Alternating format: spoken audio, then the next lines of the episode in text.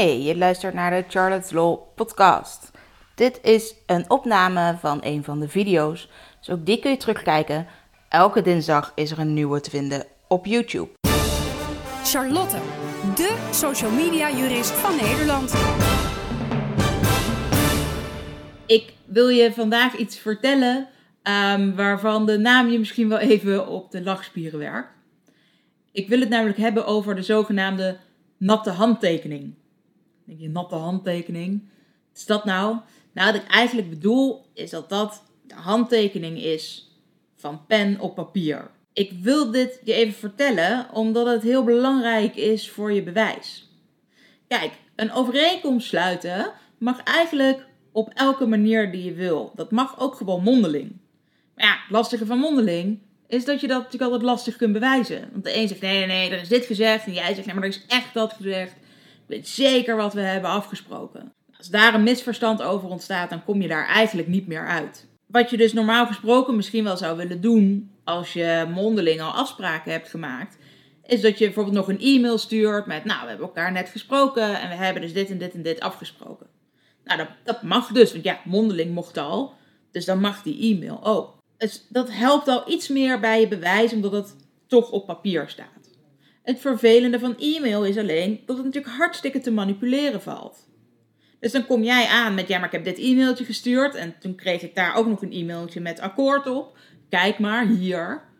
En dan zegt de ander, ja kijk, ik heb hier ook een e-mail van diezelfde datum, van datzelfde tijdstip, maar daar staan echt andere afspraken in. En hier, ik, ik heb ook precies dat mailtje van dat, die bepaalde datum met dat tijdstip dat ik daar akkoord op heb gegeven. Ja, welke is dan waar? En hoe kun je dan bewijzen welke klopt? Ja, dan wordt het toch een beetje vaak uiteindelijk aan de rechter om te bepalen, nou, ik geloof de een wel en ik geloof de ander niet. Ja, dan sta je daar.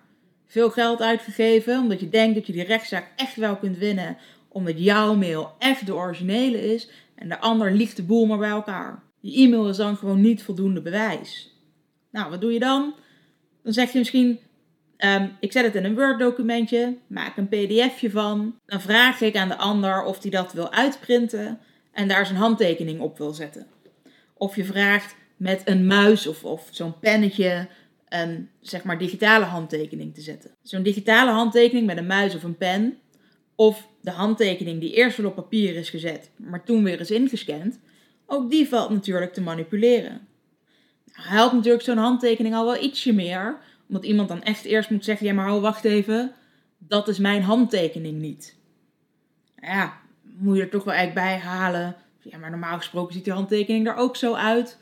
En dan wordt het al wat lastiger dan met alleen maar uh, zo'n e-mail en een akkoord daarop. Maar het aller, allerbeste bewijs is eigenlijk wat we dus noemen de natte handtekening. Het is echt met pen op papier maar die niet is ingescand. Zo'n handtekening van pen op papier kun je namelijk bijna niet manipuleren. In elk geval niet digitaal.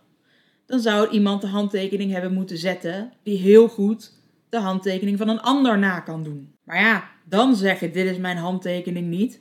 Dan moet je toch wel iets met iets meer komen. En dan krijg je nog handtekening-experts die ernaar zouden kunnen kijken. Maar dat gebeurt gewoon niet zo snel. Je hebt die handtekening wel of niet gezet. Pas als je echt denkt, ik heb die handtekening niet gezet, wordt er pas verder gekeken. Bovendien mag een rechter er eigenlijk van uitgaan dat als het een natte handtekening is, dat die klopt. Als de rechter dan wil zeggen, nou, ik denk toch dat die handtekening niet echt is, dan moet zelfs een rechter dat onderbouwen. Met al die digitale versies zou een rechter nog kunnen zeggen: ja, dat geloof ik gewoon niet en zegt er dan eigenlijk niet zoveel over. Legt het aan de kant en zegt gewoon: ik geloof partij A of ik geloof partij B. Als een rechter een natte handtekening naast zich neer wil leggen, dan moet dat echt goed onderbouwd worden.